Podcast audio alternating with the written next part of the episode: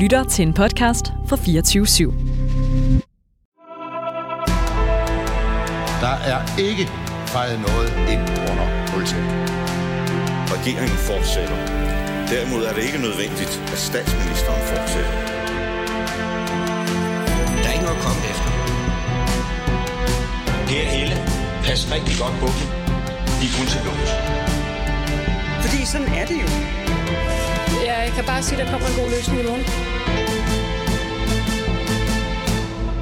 Er det en god idé at afskaffe stor bededag? Er det afgørende for at finde penge til forsvaret, og har det overhovedet en varig effekt for dansk økonomi?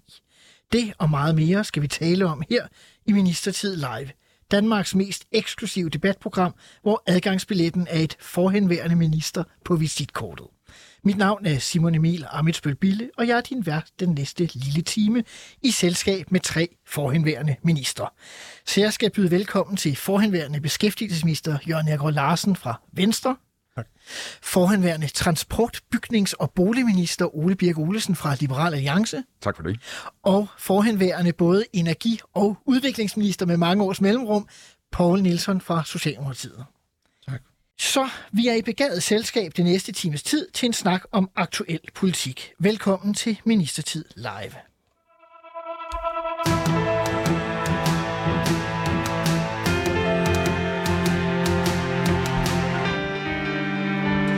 Den nye SVM-regering har i denne uge stillet forslag om at afskaffe Stor Bededag. Er det en god idé, Ole Birk?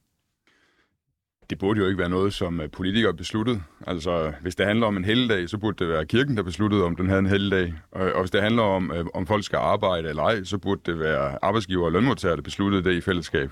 Så øh, øh om det er en god idé, at vi skal arbejde den dag eller ej, øh, det vil jeg sådan set ikke forholde mig til. Jeg synes egentlig bare, det er nogle andre end Folketinget og regeringen, der skal beslutte det. Men Jørgen Erik Larsen, du har jo en fortid som øh, beskæftigelsesminister. Du har faktisk også en fortid som øh, direktør i Dansk Arbejdsgiverforening. Hvis du sad i Arbejdsgiverforeningen på nuværende tidspunkt, hvordan ville du så have reageret på sådan et forslag? Jeg tror, jeg ville have reageret positivt. Altså, det er jo et øh, forslag, som indeholder rigtige penge, altså med en reel strukturel effekt. Og det er det, der er brug for, når vi skal finansiere vores samfund i de næste mange år. Og i virkeligheden betragter jeg også diskussionen i de her dage om Stor Bededag som altså sådan lidt opvarmning i forhold til de udfordringer, øh, som ikke bare denne, men også kommende regeringer kommer til at stå overfor. Øh, de bliver meget voldsommere. Vi er nødt til øh, at finde reelle måder at finansiere vores grønne omstilling, vores forsvarsudgifter, vores flere ældre, vores flere børn osv. osv. Der duer varm luft ikke mere, og øh, det at arbejde en dag mere om året i det samfund i Europa, der helt uden sammenligning har den korteste arbejdstid, det er ikke noget nævneværdigt problem. Samtidig er det jo hensynsfuldt, øh, fordi altså dem, der bliver påvirket af det her, de får jo samtidig et øget beskæftigelsesfradrag med det forslag, der ligger til regeringens skattepolitik. Så i virkeligheden, så betragter jeg det som en meget, meget lille ting, men øh, hvis jeg havde siddet i det, ville jeg på den måde have været positiv over for tænkningen, og som du kan høre, det er jeg personligt også.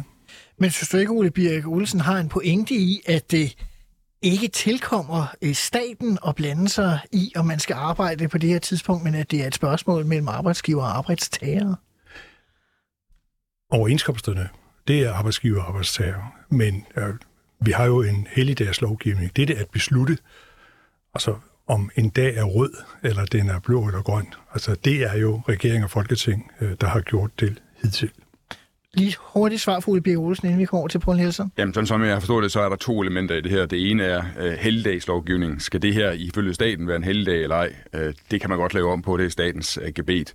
Men der er også i lovgivningen et forslag om simpelthen at gribe ind i en overenskomst og i selve overenskomstteksten, som siger, at på den her dag, der får man overarbejdsbetaling eller helligdagsbetaling. Og, og, og regeringen vil simpelthen lovgive om, hvad der skal stå i overenskomsten. Poul Nielsen, jeg er nødt til lige at spørge, gør det her ikke ondt i hjertet på en rigtig socialdemokrat? Nej, vi er jo historisk set øh, som, som klassisk socialdemokrat, så er man jo også forhærdet, øh, hvad angår det der. Altså, øh, lad mig sige, øh, jeg lavede en øh, rapport til Nordisk Ministerråd om arbejdsliv i Norden for, for nogle år siden. Og der står det klart, at øh, der ikke er en nordisk model, der er nordiske modeller. Og når man går ned i detaljen i, i, øh, i hvert land, så er der også der en meget øh, flydende grænse mellem, hvad staten gør og hvad arbejdsmarkedets parter gør. Alene øh, institueringen af trepartsforhandlinger siger jo i sig selv, at, øh, at der ikke er en, en, en simpel øh, fast øh, grænse for, hvem Altså hvor staten og, fa- og fagbevægelsen og arbejdsgiverne forhandler netop, løsninger på netop, plads. Ja. Netop, altså, og, og hvor øh, lovgivningen så ekspederer på sagen. Og, og, og de gange, hvor der har været øh, regeringsindgreb, øh, helhedsløsningen i sin tid og så videre, der er der jo typisk også tale om, at man, at man lægger noget oveni, som er ren lovgivning til tilfredshed for arbejdsmarkedets parter. Altså forskellige reformer eller, eller forbedringer, som ligger udenover. Så der, lige nu er jeg meget enig med Jørgen Nergård i, i øh, hvad skal man sige, beskrivelsen af, at det her er et forspil til et forår, som man på forhånd vidste ville blive vanskeligt. Men hvis du var socialdemokratisk beskæftigelsesminister, øh, skulle sætte dig ind i, i en halsbos øh, sted, Ja. så er det vel ikke en drømmepost for en socialdemokrat at skulle øh, gå ind og blande sig i, i overenskomstteksten? Nej, men det her er jo tale om, at, at det starter som et forsøg på, et velment forsøg på, og, og på at gøre det så pædagogisk, så klart som muligt for befolkningen, at der skal ske noget med hensyn til at øh, finansiere alt det, alle i øvrigt synes er meget vigtigt at gøre. Og øh, så øh, er udgangspunktet altså det, og øh, rent teknisk, så skal det gøres sådan, at, at der er øh, de henvisninger, der nogle gange skal til. Og øh, det kan selvfølgelig hisse folk op, men, men øh, samlet set er det jo ikke, burde ikke være en stor sag, men det bliver det. Det var stænkelapsagen eller betalingsringen jo heller ikke. Det var jo ikke store sager, øh, men det kunne det jo godt bruges til politisk. Men når du bruger dem, det er jo øh, projekter, der kuldsejlede, så det vil sige, tvivler du på, at det overhovedet bliver til noget? Nej, men jeg kan tydeligt se og sige, at, at det forsøges kuldsejlet. Ja, nok, Ole? Birk? Jamen, jeg synes, at øh, vi tager en, en værdig sag her, og, og så finder vi en uværdig løsning på det. Den værdige sag er, at vi vil gerne have, at der er flere, der har lyst til at arbejde i Danmark. Men der gøres jo alle mulige initiativer, også af den regering, som sidder nu, eller den tidligere regering, som havde den samme statsminister, for at hive folk ud af arbejdsmarkedet. Altså, man, politikerne gør det modsatte. De opfinder nye ydelser. Øh, de øh, øh, hæver ydelser på nogle ordninger, så de bliver mere attraktive, og hiver folk ud af arbejdsmarkedet. Så siger man, okay, nu har vi et problem med, at der ikke er nok mennesker, der arbejder i Danmark. Det er jeg enig i. Men så burde man jo rulle noget af det tilbage, hvor man belønner folk for ikke at arbejde. I stedet for nu at sige til dem, der allerede er i arbejde, øh, jamen, I har godt nok lønmodtagere og arbejdsgiver aftalt, at der er ekstra løn, hvis man arbejder på stor bededag. Øh, men nu vedtager vi bare en lov om, at det er der ikke. Øh, altså, hvad er det her for noget? Altså, arbejdstagerne øh, ejer jo deres arbejdskraft. Den sælger de til arbejdsgiverne, og arbejdsgiverne køber under bestemte betingelser. Og de to parter, som er sælger og køber af en vare, de har jo aftalt, at det skal foregå på en bestemt måde. Og så kommer politikerne bare og siger, øh, nej, øh, jeres aftaler om mere betaling på stor bededag, den annullerer vi ved lov. Så din pointe er, at alle, der er her i studiet i hvert fald, er enige om formålet, ja. men du synes ikke, at målet helliger midlet? Jeg er villig til at gøre nogle ting, som øh, formentlig øh, vil være mere upopulære, end at afskaffe stor bededag i overenskomsten via lov. Øhm, men fordi jeg synes, det er et rigtigt formål, det her med, at vi øh, bør have flere mennesker Men i det ting, som er svære at få igennem på Christiansborg. Det er muligvis øh, sværere at få igennem på Christiansborg, øh, fordi der er det her evige behov for, at der er grupper, øh, nye grupper, der gerne vil have flere penge, og, og have penge, hvor de slet ikke får penge, for eksempel Arne Pension. Og, og, og det er der så en villighed til at imødekomme, øh, og, og så når politikerne har gjort det, og har hævet folk ud af arbejdsmarkedet, så synes de nu pludselig, det er mere populært, at dem, der er blevet på arbejdsmarkedet, de, de skal have frataget en fridag, som de ellers har aftalt i overenskomsten. Hvis vi ser på den offentlige debat den seneste uge, så er modstanden jo i hvert fald imod det konkrete forslag rimelig bred. Vi kan se, at øh, Cepos er imod. Øh, formanden for det økonomiske råd har været ude og stille spørgsmålstegn ved, om der overhovedet er den varige effekt økonomisk, Det som forstår man jeg ikke. om. Det forstår vi ikke. Men, men bare lige, og fagbevægelsen har også været ude og. Okay. og, og, og være imod. Det jeg bare lige vil hen til, det var at spørge dig, Jørgen Nærgaard, som tidligere beskæftigelsesminister. Vil du ikke sidde og ryste lidt i bukserne, hvis du sad som beskæftigelsesminister over, at nu skaber man uro på arbejdsmarkedet, hvor der skal til at laves overenskomster, så pludselig kan man ikke bare risikere den her sag, men jo også en meget større problematik i virkeligheden. Og hvis jeg var beskæftigelsesminister i den her sag, så ville jeg først og fremmest kigge indad. Sikre mig, at der er det sammenhold og den vilje i regeringen, der er nødvendig for at gennemføre en sag som den her. Og de efterfølgende sager, der kommer i forhold til SU, i forhold til forkortelse af uddannelser, i forhold til sundhedssektoren osv. Vi vender tilbage til nogle af dem Jeg senere. betragter det her som en opvarmning, og derfor noget af det, der er principielt i sagen, eller meget betydningsfuldt, det er, at regeringen lærer af sagen, altså lærer, hvordan man håndterer kritiske sager. Det andet, jeg vil Hvad, hvad skal de lære bare lige for at holde fast i det? Jamen, hvordan man arbejder sammen, hvordan man bakker hinanden op, Internt hvordan man giver et stærkt team, ja. således at man uanset, at der er meget støv i luften lige nu, kommer sikkert igennem. Det andet, jeg vil gøre som minister, det vil jeg, jeg vil iagtage, hvordan oppositionen den ændrer sig. Fordi altså, nu bliver forårene skilt fra bukkene. Det her, de udfordringer, vi står med i Danmark, det er jo ikke udfordringer på to år eller på fem år, det er udfordringer på 30 år. Det vil sige, det er kæmpemæssige omstillings- og finansielle udfordringer, denne og efterfølgende regeringer står med. Og der er det jo så interessant at se, hvilke partier vil være med til at øve indflydelse på håndteringen af de udfordringer, og hvilke partier vil bare du er ved at, og, og Ej, men Ole jeg- Birk jeg- Olesens jeg- hoved er ved at ryste af, kan jeg Ja, se. altså det der, altså, det der med uh, sådan take it or leave it, og hvis vi ikke- I ikke vil gøre det på den her måde, så er det fordi, I ikke vil tage ansvar for at gøre det på andre måder. Der er intet parti i Folketinget, der vil tage ansvar for at øge arbejdsudbuddet mere end Liberal Alliance. Vi vil gøre alle mulige ting, der er mere upopulære i brede dele af befolkningen, end at afskaffe stor bededag øh, i overenskomsten. Alle mulige ting. Og nu skal jeg så have at vide, at øh, hvis jeg ikke er villig til at gøre det her, som jeg mener er et uacceptabelt indgreb i private personers aftale med hinanden, at, at, at så er jeg ikke villig, så, så bliver jeg skilt som et får fra en, fra en buk, og ikke villig til at gøre det, skal, det der skal til for at tage an- ansvar for samfundet. Det er simpelthen en, en horribel... øh, Jeg tror, altså jeg tænkte, du er stadig medlem af Venstre, og taler stadig på vegne af Venstre, eller hvad, hvad er det, der foregår her? Jeg taler ikke på vegne af Venstre. Jamen, det, er sådan, det, er sådan, det er jo sådan, du, du, den- du optræder nærmest partipolitisk her, altså plat. Nu synes jeg, vi skal, skal lige prøve at få øh, ge- gemytterne måske lidt ned, fordi spørgsmålet er jo netop, men der er jo en interessant pointe i det. Altså, øh, både Jørgen og, og Paul øh, Nielsen, I har jo prøvet at sidde for store øh, partier. Øh, risikerer man ikke, hvis man gør alle de mindre partier, man skal samarbejde med, selvom man har et flertal, øh, vrede over det her, at man så skubber dem væk fra sig i kommende forhandlinger? Jo, altså, nu er fornærmelse jo øh, ofte en del af vreden. Og, og, og der er der en stor risiko for, at mange af de partier, der ikke er med i regeringen, og måske ikke kommer med i regeringen, øh, øh, de ser jo, øh, de, de har jo en tilvænning til, at man har en flertalsregering i praksis. Altså, og, og, og det er jo fuldstændig legitimt, at landet har en flertalsregering.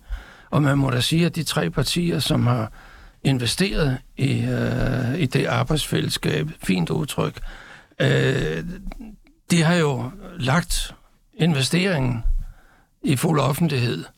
Og øh, altså, jeg synes, der, der, der er en tilvænning, og det gælder om at være konstruktiv.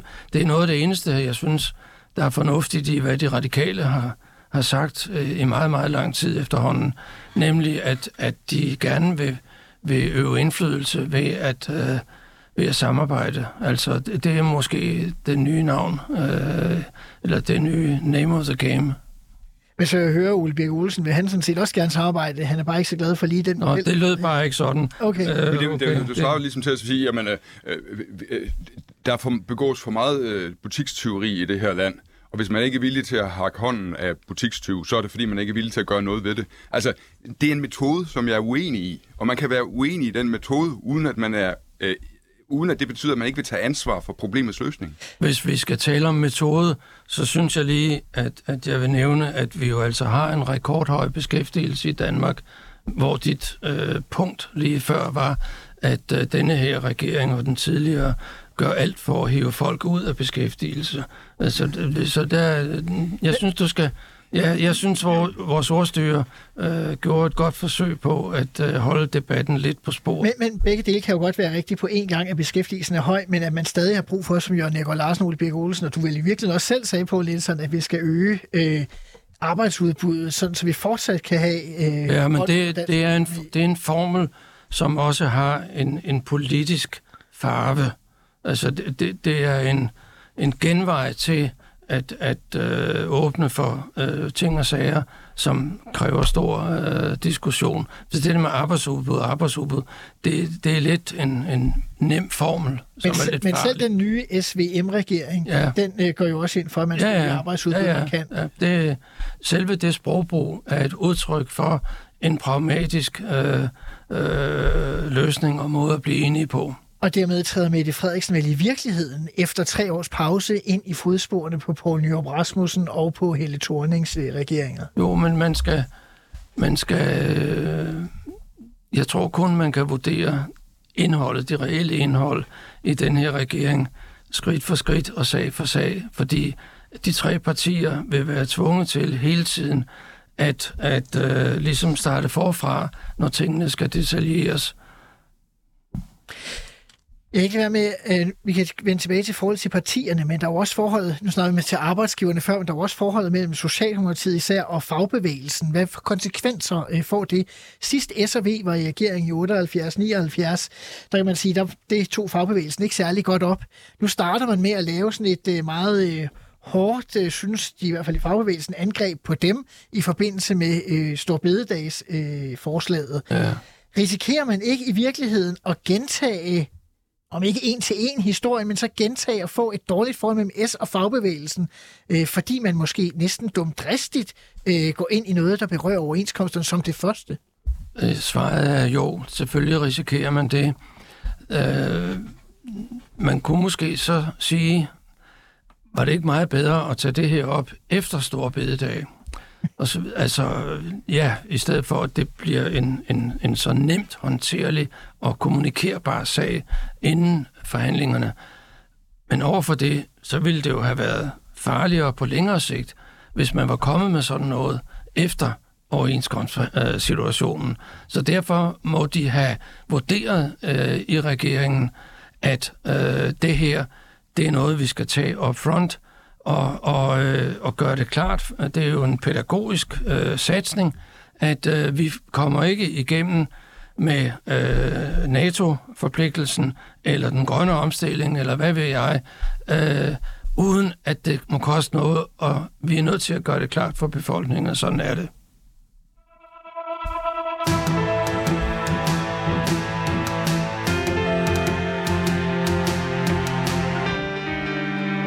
Som vi allerede har talt om, er der jo tale om en reformregering. Nu er midten samlet, nu skal der laves noget uden alt for mange forstyrrende fløjpartier på økonomi, på uddannelse, på sundhed, på klima.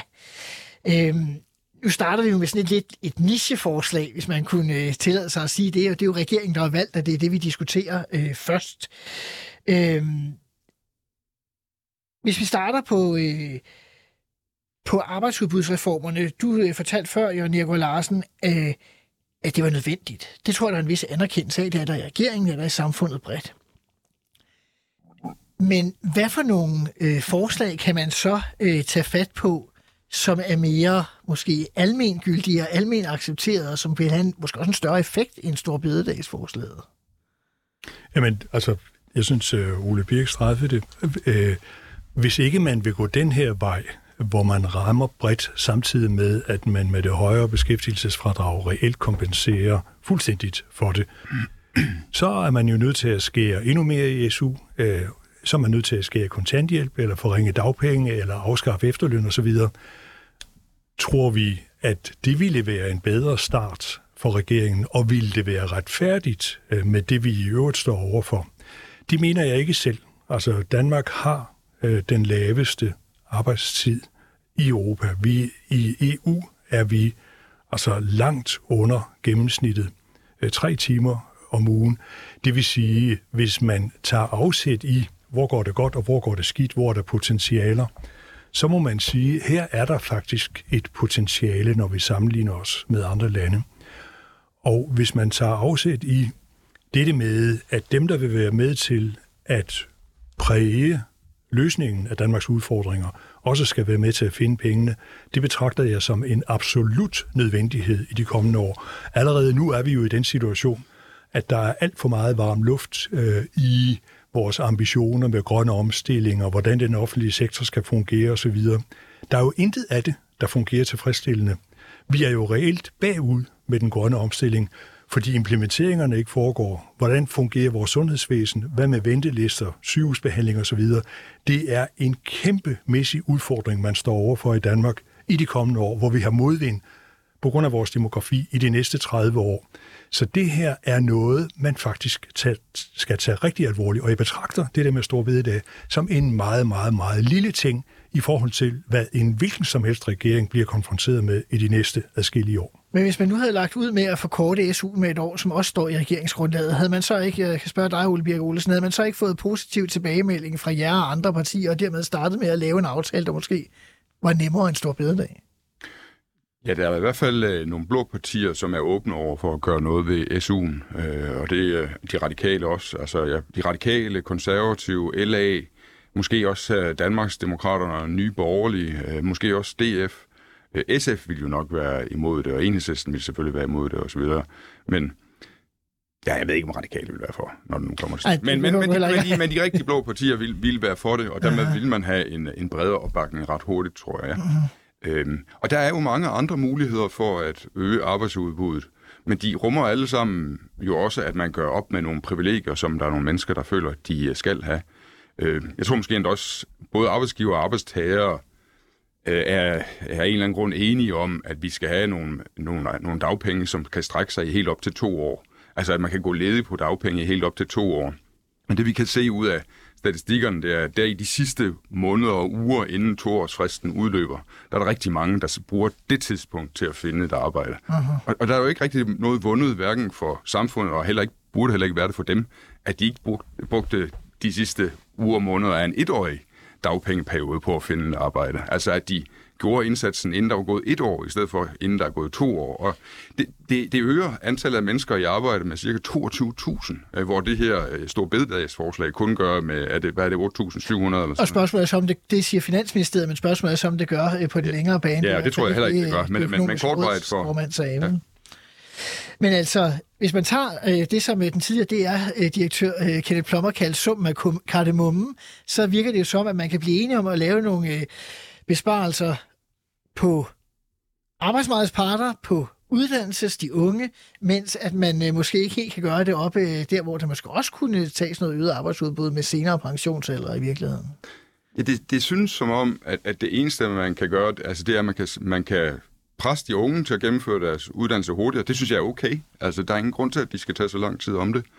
Øh, og så at prøve at se, om man kan få dem, der allerede er i arbejde, til at arbejde endnu mere. Den der ret store gruppe, fordi det er en ret stor gruppe, det er faktisk verdensrekord stor gruppe, vi har i Danmark, af folk, der er i den arbejdsdygtige alder, men ikke er i arbejde, men på overførselsindkomst. Grunden til, at andre lande har lavere beskæftigelse end os, det er fordi, at deres kvinder går derhjemme og bliver forsørget af deres mand. Og det er jo noget andet. Her, dem der ikke er i arbejde, de bliver forsørget af det offentlige. Og der er der ikke nogen lande i verden, der har flere mennesker, der bliver forsørget af det offentlige end Danmark. Selv øh, Sverige og Norge og Island, som vi så kan sammenligne os med, har færre på overførselsindkomst, end vi har. Men der er også nogle af alle de ting, som man gerne vil. Man vil gøre noget på sundhed, man vil gøre noget på klima. Altså, Jørgen Nikolaj Larsen talte lige om, om vi er bagud i forhold til den grønne omstilling. Er det også uh, din opfattelse som tidligere energiminister, på Nielsen? Jamen, det er indiskutabelt tilfældet. Altså, personligt har jeg udviklet en allergi mod runde årstal. Altså, det er jo så nemt at sige i 2030, sådan sådan i 20... Og 2045 skal vi nu være klimaneutrale. Ja, jamen, ja men altså, øh, det, det, det, det er ikke i orden. Altså, det er ikke i orden. Altså, men, men øh, jeg skrev en... Øh, jeg har skrevet aviser, og hvad ved jeg, altså, under overskriften, er der en voksen til stede, Og så hele spørgsmålet om forsyningssikkerhed, det er ikke taget alvorligt. Som også er udfordret på grund af krig i Europa. Ja, og... ja. Og, og forestillingen om, at vi, at vi tror, vi gør en hel masse godt ved at stoppe hurtigt i Nordsøen, det, det, det, det er ikke i orden. Vi skulle aldrig have aflyst 8. udbudsrunde, og vi skulle have lavet øh, de selskaber, som øh, vil og kan, øh, forlænge til en blødere landing med hensyn til olie og gas i Danmark, øh, og så samtidig opretholdt selvfølgelig prioriteringen af vind og sol og så videre. Øh, alle glemmer, hvad der skal investeres i øh, eldistributionsnettet.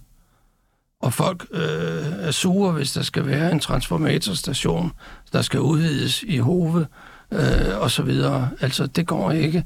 Og, og, og så vil alle have øh, nedgravet øh, transmissionsledningerne, øh, øh, hvor det koster måske 5 til syv gange så meget som de luftledninger. Øh, altså, det, der, er, der er ingen alvor i det. Jeg, jeg er godt tilfreds med ministerskiftet på det punkt. Må jeg fortsætte Ja, lige jeg på nævner- det, som ja. Poul Nielsen nævner her? Det er præcis der, hvor jeg mener, at vi svigter. Der, hvor det er svært i forhold til den grønne omstilling. Der, hvor det offentlige faktisk har ansvaret for at gennemføre den grønne omstilling. Og det er hovedinfrastrukturen, både på el, på vindmøller, øh, på solceller og på transformation. Og der kan vi jo se, at der bliver kompenseret for det nu ved, kan vi sige, at alle børnefamilierne, de skal betale en horribel pris for deres strøm, når de kommer hjem fra arbejde og indtil børnene kommer i seng, uh-huh. fordi vores elinfrastruktur ikke er blevet omstillet til det, den skal kunne for fremtiden. Samtidig ser vi solcelleparker stående rundt omkring i Danmark, som ikke kan tages i anvendelse, fordi der ikke er den fornødne infrastruktur. Nu er der lavet ambitioner om fjernvarme, men som Poul Nielsen er inde på, når der skal laves mere fjernvarme, skal der bygges flere fabrikker, flere transformatorstationer osv. i et land, der mere eller mindre er fyldt, fuldt udbygget. Det vil give anledning til masser af klagesager, som vi ser med vindmøller. Det vil give forsinkelse, og det vil sige, at vores politikere står bare på den grønne omstilling over for nogle år, hvor man må gå fra det populistiske til også her det upopulære med at tage ansvar for at udvikle en sammenhængende infrastruktur til at håndtere den grønne omstilling. Det bliver ikke sjovt. Så i virkeligheden, så siger du, at øh, det her er bare endnu et eksempel på det, du indledte med. Altså på klima, der siger man 2030, 2045, 2050, der skal ske et eller andet, man aner ikke hvordan. Øh, på arbejdsudbud siger man, at der skal være så så meget i arbejdsudbud, der skal forøges, men vi ved ikke rigtig, hvordan alle de vil være med til det osv. Man kunne kritisere det parti, Ole repræsenterer, jeg selv har, har, har repræsenteret med at sige, der skal så så mange færre offentlige ansatte, men hvem, hvem fanden er det egentlig, der skal holde op osv. Ja. Altså, så det er hele det med at tale i de overordnede linjer og komme ned og tale om, hvordan. Det er jo det, der er det gode ved en regering, af hvilken øh, man kan kræve standpunkter og resultater. Der var plads til fedtspil i et atomiseret folketing. Og man kan sige, at øh, etpartiregeringen lykkedes med, med dygtig forhandlingsvilje at, at lave vigtige ting, men havde altså også en påtvungen hovedopgave på grund af corona, men, øh, og, og, og i efterfølgende på grund af, af Putin. Men, men øh, øh, samlet set synes jeg, billedet var øh, glimrende på, hvad der lykkedes. Men, men nu kommer alle de ting frem, også som, øh, som vi hører her. Det, det, er lidt, det er lidt en sjov diskussion, vi har her fra en, en tidligere venstreminister og en tidligere socialdemokratisk minister. Fordi årsagen til, at vi står i de problemer, som gør, at, at Venstre og Socialdemokratiet nu synes, de skal i regering sammen, det er, at begge partier i det øjeblik, de er i opposition, kritiserer de andre, som er i regering, for ting, som de godt ved skal gøres. Altså, Socialdemokrater i opposition er jo i ekstrem grad et helt andet parti end Socialdemokrater i regering. Det, som de siger i opposition, gør de ikke, når de er i regering.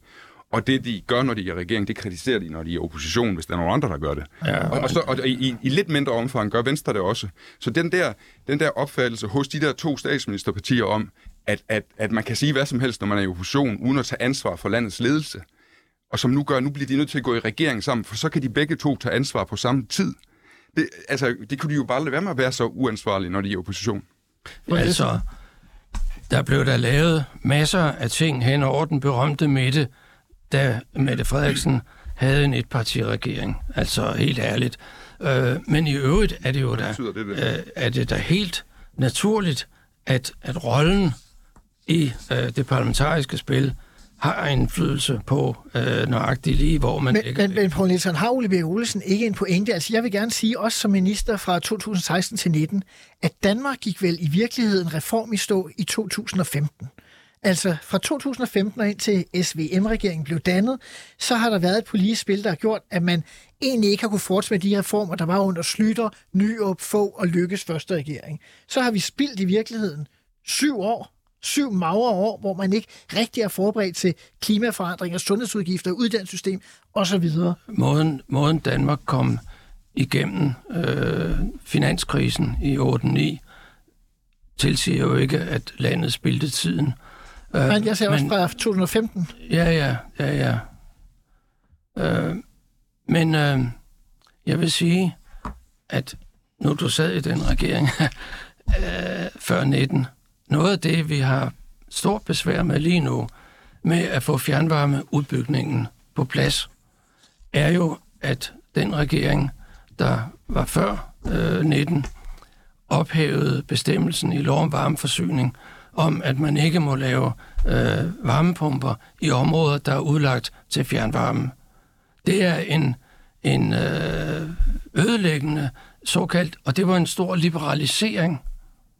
Altså, det, det var en kæmpe fejl, og det burde laves om nu. Men selvom det skulle være det, er det så stadigvæk ikke en del af den samme problemstilling, at Socialdemokratiet og Venstre fra 2015 til 2022 de facto ikke har arbejdet rigtigt sammen om de store problemer i vores samfund. Der har været en pause i ellers et 30 år et godt samarbejde om at forandre tingene og sørge for at gøre Danmark til et af de mest robuste Ja, der vil jeg sige- Sådan opfatter jeg det i hvert fald. Altså, øh, altså øh, forenkling øh, fremmer misforståelsen.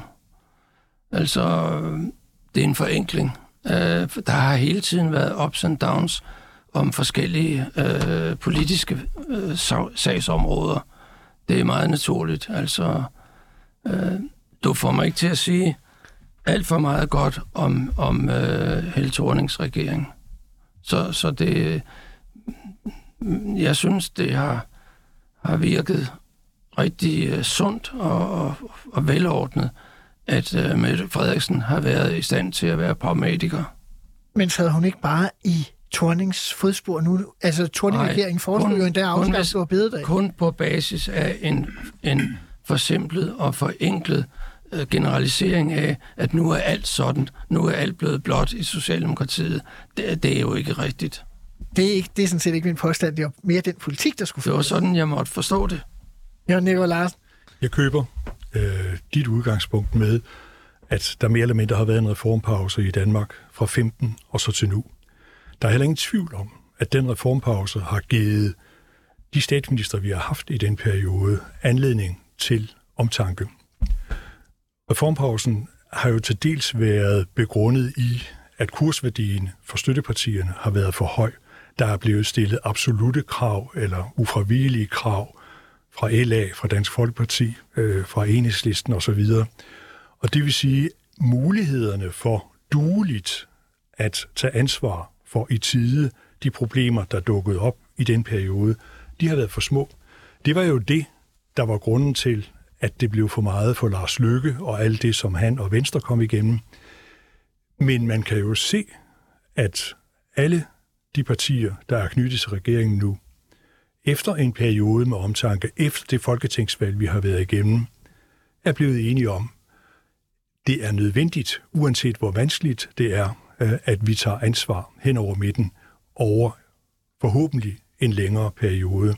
Så jeg køber sådan set, at øh, der har været en periode, hvor man har pliset fløjpartierne fra regeringspartiernes side ganske meget, uden at få det fornødne ud af det.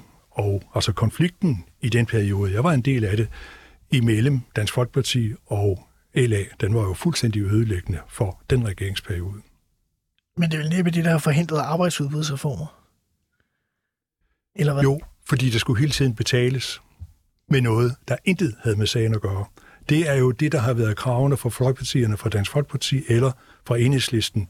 Og det er jo det, der gør det utåleligt øh, for en statsminister eller for et regeringsparti, når vi ser på, hvad det er, vi kigger ind i. Det er let at blive enige med sine støttepartier som fløjregering med at have nogle ambitioner i 2040, 2050 osv. Men det er virkelig svært, øh, når man kommer ned i redskabsrummet og skal lave duelige løsninger. Og det er det, vi står overfor nu. Det er en nødvendighed.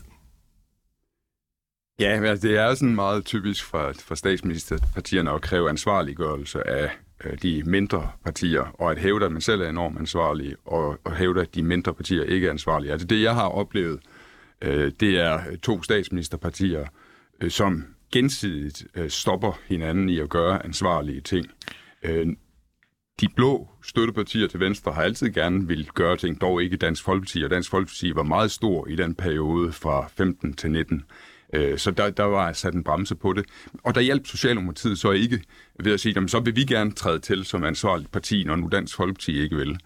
Øh, det, er, det var anderledes, at dengang øh, Helle Thorning var leder af Socialdemokratiet, da hun var i opposition til Anders Fogh Rasmussens regering, medvirkede hun til at lave den øh, aftale om tilbagetrækning, som gør, at pensionsalderen stiger med, øh, med levealderen. Og da hun så kom i regering, så fortsatte hun ad et reformspor, som Venstre hjalp hende med. Altså Lars Løkke Rasmussen på det tidspunkt hjalp den socialdemokratiske regering med at gennemføre reformer. Øh, og det, der så skete efter, at Helle Thorning faldt, og Socialdemokratiet fik Mette Frederiksen som leder, det var, at der var både i oppositionsperioden fra, fra, fra 15 til 19 øh, for Mette Frederiksens vedkommende, og da hun blev statsminister fra 19 til 22, øh, der sørgede hun for, at der ikke kunne gennemføres nogen ansvarlige reformer i Danmark. Nu har vi fået de traditionelle positioner alt efter øh, partierne i, i forhold til det her. Men vi er jo i en meget anderledes situation, end vi plejer at være nu, fordi vi netop både har en flertalsregering, øh, SVM, og en regering hen over midten. Øh, regeringen skal vel til at have gjort nogle ting, for hvis man ser historisk på det, så mister flertalsregeringerne faktisk flertallet, når de så møder vælgerne. Det gjorde trekantsregeringen Himmer Barnskov og, og også på en ny i starten af 90'erne. Hvis vi lige bliver ved uddannelse, vi berørte lidt øh, kort, så er der jo også et andet stort øh, forslag, der ligger øh, i regeringens politik, nemlig det her med, at der er nogle af kandidatuddannelserne, der ikke behøver at have øh, et toårigt forløb, altså så det bliver en femårig kandidat, op mod halvdelen. Rygtet siger, at hvis de radikale havde sagt ja til at blive med i regeringen, skulle det kun være op mod 35 procent, så man kan vel allerede regne med, at der er en vis øh, forhandlingsfleksibilitet øh, hos regeringen. Men er det et godt forslag, Poul Nielsen? Jeg ved ikke, om du spørger mig som adjungeret professor på Aalborg Universitet. Men, Også det. Men øh, jeg vil altså håbe, at man kunne føje noget andet til på øh, universiteterne, nemlig en, en øh, forpligtelse for disse øh, glimrende uddannelsesinstitutioner til at give en hånd til efteruddannelse i, i Danmark. Øh, og øh, derfor er jeg i princippet ikke imod, at man indsnævrer volumen i, hvad universiteterne skal kunne tilbyde. Øh, snarere øh, er det vigtigt måske at se på indholdet i, øh, i de der kandidat. Øh, og at det, er lidt, det er lidt firkantet, at man siger, at et år så er nok, altså uden at, at se på, hvilke krav og, og, og hvilke opgaver de faktisk leverer i deres specialer osv. Øh, så det, det, det, jeg er lidt, øh, lidt uklar på, hvad jeg selv egentlig mener. Men der ligger vel en erkendelse af, at det kan godt være, at en lægeuddannelse ikke kan forkortes, fordi du stadig er nødt til at lære nogle helt konkrete ting, men det kan være, at der er andre øh, uddannelsestyper, hvor du godt bedre kan ja, Eller at øh, ting. udviklingspotentialet i den pågældende studerende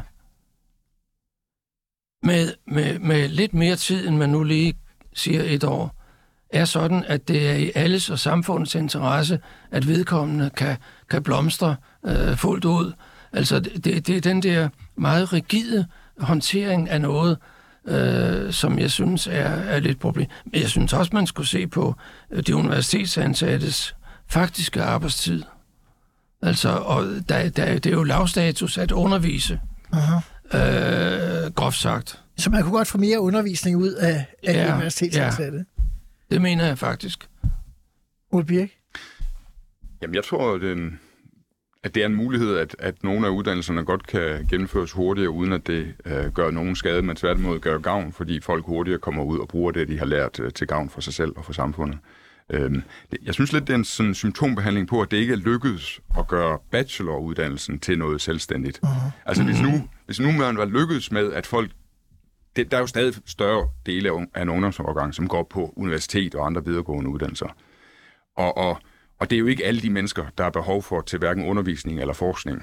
Øh, og derfor tror jeg, at tanken med bacheloruddannelsen var, at dem, der skal ud og have et, et arbejde, de behøver måske ikke at specialisere sig så dybt i øh, noget meget øh, nærmest forskningsrettet på en kandidatuddannelse.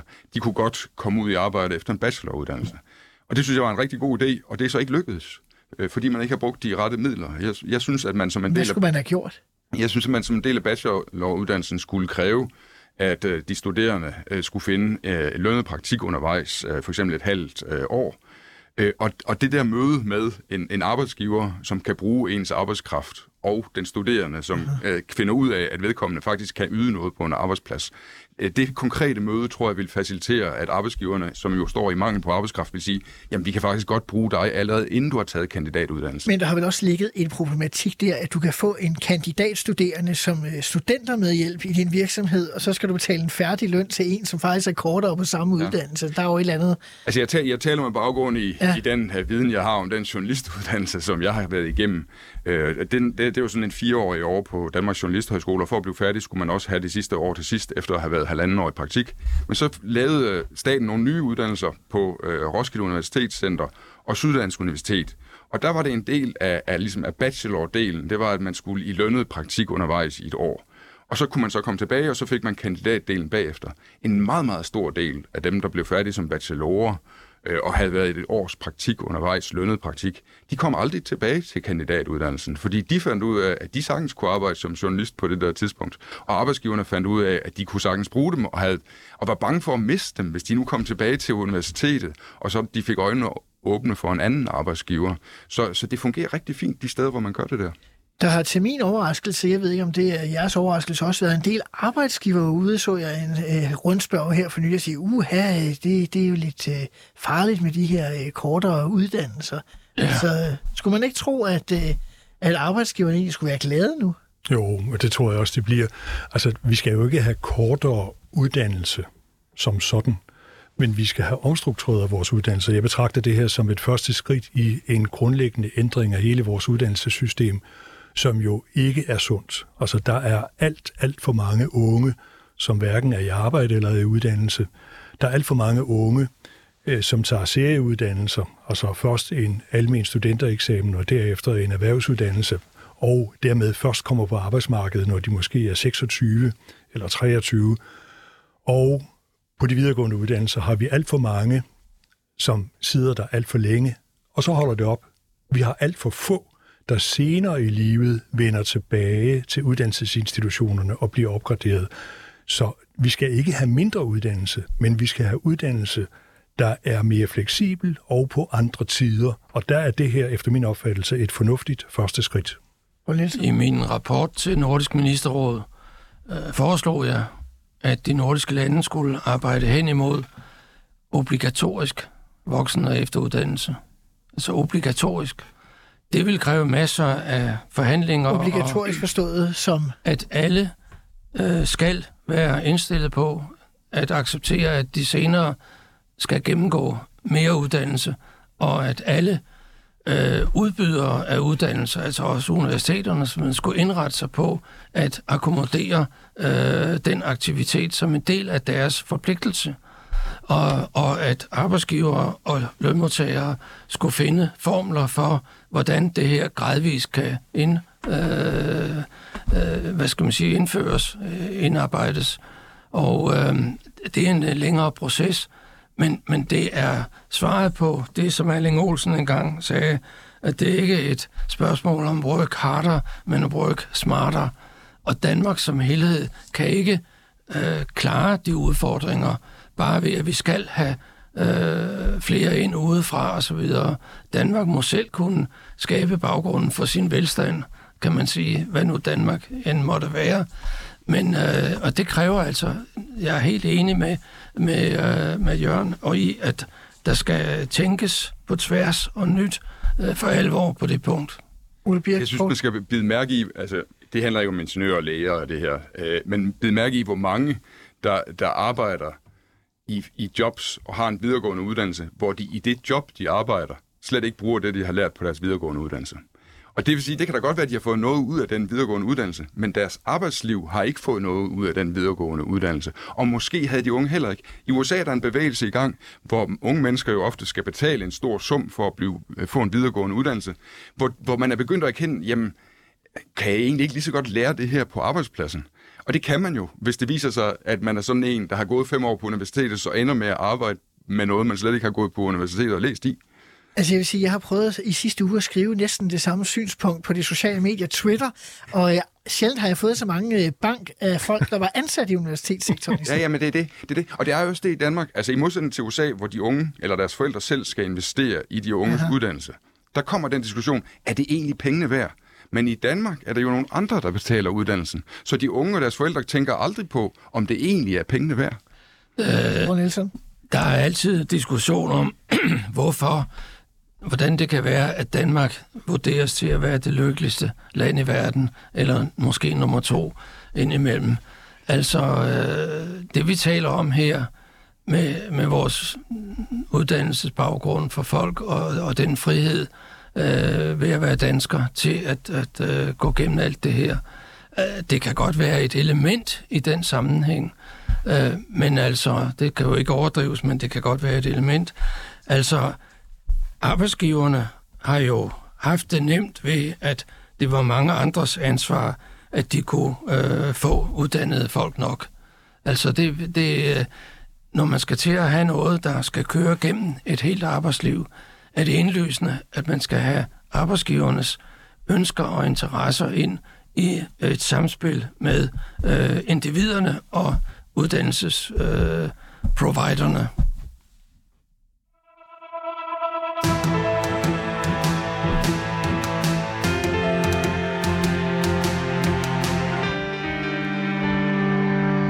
Ja, vi nærmer os afslutningen på udsendelsen, men jeg synes, at her til sidst, så kunne jeg godt tænke mig at øh, lige diskutere øh, spørgsmålet omkring god regeringsførelse. Fordi noget af det, der fyldte rigtig meget op til valget, da de radikale væltede øh, S1-partiregeringen og i valgkampen, det var øh, anklager om magtafgangse fra socialdemokratisk regering, involverede man andre nok osv., så lægger vi ud her øh, med den forhandling, som vi startede om øh, i forhold til Stor Bededag, og siger, det vil vi gøre.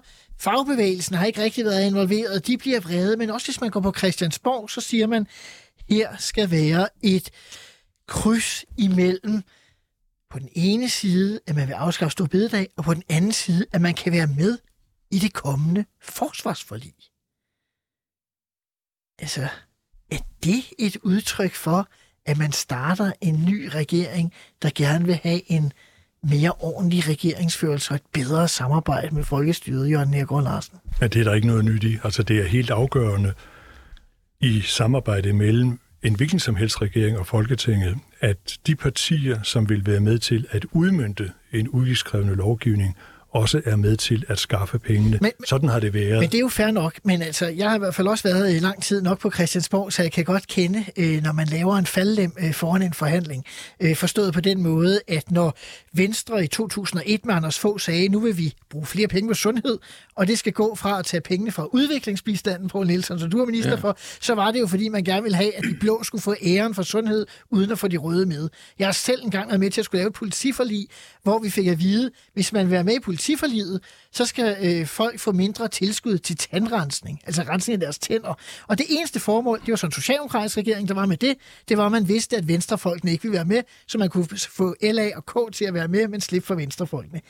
Når jeg ser det her med, at for at skulle være med til at være med i et forsvarsforlig, som jo er noget af det vigtigste for os alle sammen lige i øjeblikket med krig i Europa, og så siger man, så skal man være med til at afskaffe Stor Bededag, så er det jo, har det da ikke karakter af, at man gerne vil have, at der skal være finansiering for dem, der er med. Det har da mere karakter af, at man gerne vil genere nogen af partierne i Folketinget. Men, men, men altså, når man nu har valgt, at øh, Storbededagssagen skal have det formål, og hele den pædagogiske øh, investering ligger i det, så er den sammenkædning jo ikke kunstig. Jamen, det er jo ikke altså, Gud, der har bestemt, at det skulle være sådan, at naturkræfterne, det er jo... øh, Det er jo Nå, okay. Jamen, altså, hvis vi skal diskutere forskellen mellem en flersalsregering i Danmark og så noget, øh, du kalder Gud, så, så kan det selvfølgelig være interessant, og det er jo meget smirrende for de pågældende ministre. Øh, men, men, men, altså, øh, det, jeg, jeg vil hellere dreje, disku, afspore diskussionen lidt i konstruktiv retning, og så sige, at det afgørende i det, du stillede som oprindeligt spørgsmål her, synes jeg, det er spørgsmålet om kvalitet og kapacitet i centraladministrationen. Om, om den virkelig er dyb nok og stærk nok. Og for eksempel er jeg øh, lidt skeptisk over den enorme hurtige udskiftning øh, på departementchefsposterne. Vi ser øh, mere og mere accelerere, og, og den øh, overdrevne bestykning af systemerne med øh, rådgivere og spindoktorer, som jeg synes udhuler og overpolitiserer. Det er ikke fordi, jeg er sagligheds øh, eller, eller tror på saglighed altid, men, men, men, men jeg mener, der er meget dybde. Og det synes jeg kan være en god pointe, men jeg vil godt lige alligevel vende tilbage til min pointe. Der er jo to risici i det, regeringen gør, som jeg ser det. Det ene, det er, hvis det ender med et meget smalt forsvarsforlig, og de tre nuværende regeringspartier ikke har flertal efter næste folketingsvalg, hvor ender forsvaret? Så, så er der jo ikke sikkerhed om investeringerne i forsvaret på den måde, man skulle kunne ønske det. Øh, den anden ting er, den nuværende regering kunne vel meget nemt sikre sig en kreds af partier, Liberale Alliance, Radikale Venstre, Konservative, så man kunne lave lidt større aftaler med, der kunne sørge for, at de reformer, vi nu ruller ud, de får generelt en varighed. Er det ikke lidt at spille hasard det med det, som er hele pointen? Øh, en tommelskrue, jo, det er det da. Øh, jeg er ikke sikker på, at jeg selv ville have fundet på den idé. Altså, bevar mig vel. Men altså, må ikke også regeringen kommer til at droppe den? For jeg tror da ikke, at regeringen vil ende i en situation, hvor den har lavet forsvarsforlig øh, med det mindst mulige flertal, der kan findes i Folketinget, som inkluderer øh, nogen fra Færøerne og Grønland. Altså, øh, så hvis partierne udenom regeringen siger, at det, det er ikke den måde, vi vil finansiere det på. Øh, vi vil gerne finansiere på alle mulige andre måder, men ikke den her måde. Så må regeringen jo opgive det. Og det er jo også, altså, et to år uden stor bededag, giver pengene, som skal bruges til forsvaret. Og regeringen hævder, at der er en varig finansieringseffekt øh, af det her, man gør med stor bededag. Så øh, hvad skal resten af pengene bruges til? De skal så åbenbart ikke bruges på forsvaret, men på noget andet. Vi kommer det ikke nærmere, fordi vi er nu i det sidste minut af udsendelsen. Jeg vil gerne sige tak til forhenværende energi- og udviklingsminister Poul Nielsen, forhenværende transport-, bygnings- og boligminister Ole Birk Olesen og forhenværende beskæftigelsesminister Jørgen Ergaard Larsen, for at de ville være med her i Ministertid Live og gøre mig og lytterne klogere på de her spørgsmål. Til lytterne skal jeg sige, at Ministertid Live er tilbage igen i næste uge, men i morgen kan du høre en helt almindelig klassisk omgang Ministertid, hvor jeg har en forhenværende minister, nemlig øh, Christian Rabia Madsen, der for en kort bemærkning nåede at være indrigs- og boligminister, imellem at han to gange nu har været politisk ordfører for Socialdemokratiet. I næste uge er vi tilbage med et nyt panel her i Ministertid Live i det, vi kalder Danmarks mest eksklusive debatprogram, fordi det kræver, at der står forhenværende minister på visitkortet, øh, før du kan få lov at være med. Tak for i dag. Der er ikke fejret noget ind under politiet. Regeringen fortsætter. Derimod er det ikke nødvendigt, at statsministeren fortsætter. Der er ikke noget at komme efter. Per Helle, pas rigtig godt på dem. De er kun til lås. Fordi sådan er det jo. Jeg kan bare sige, at der kommer en god løsning i morgen.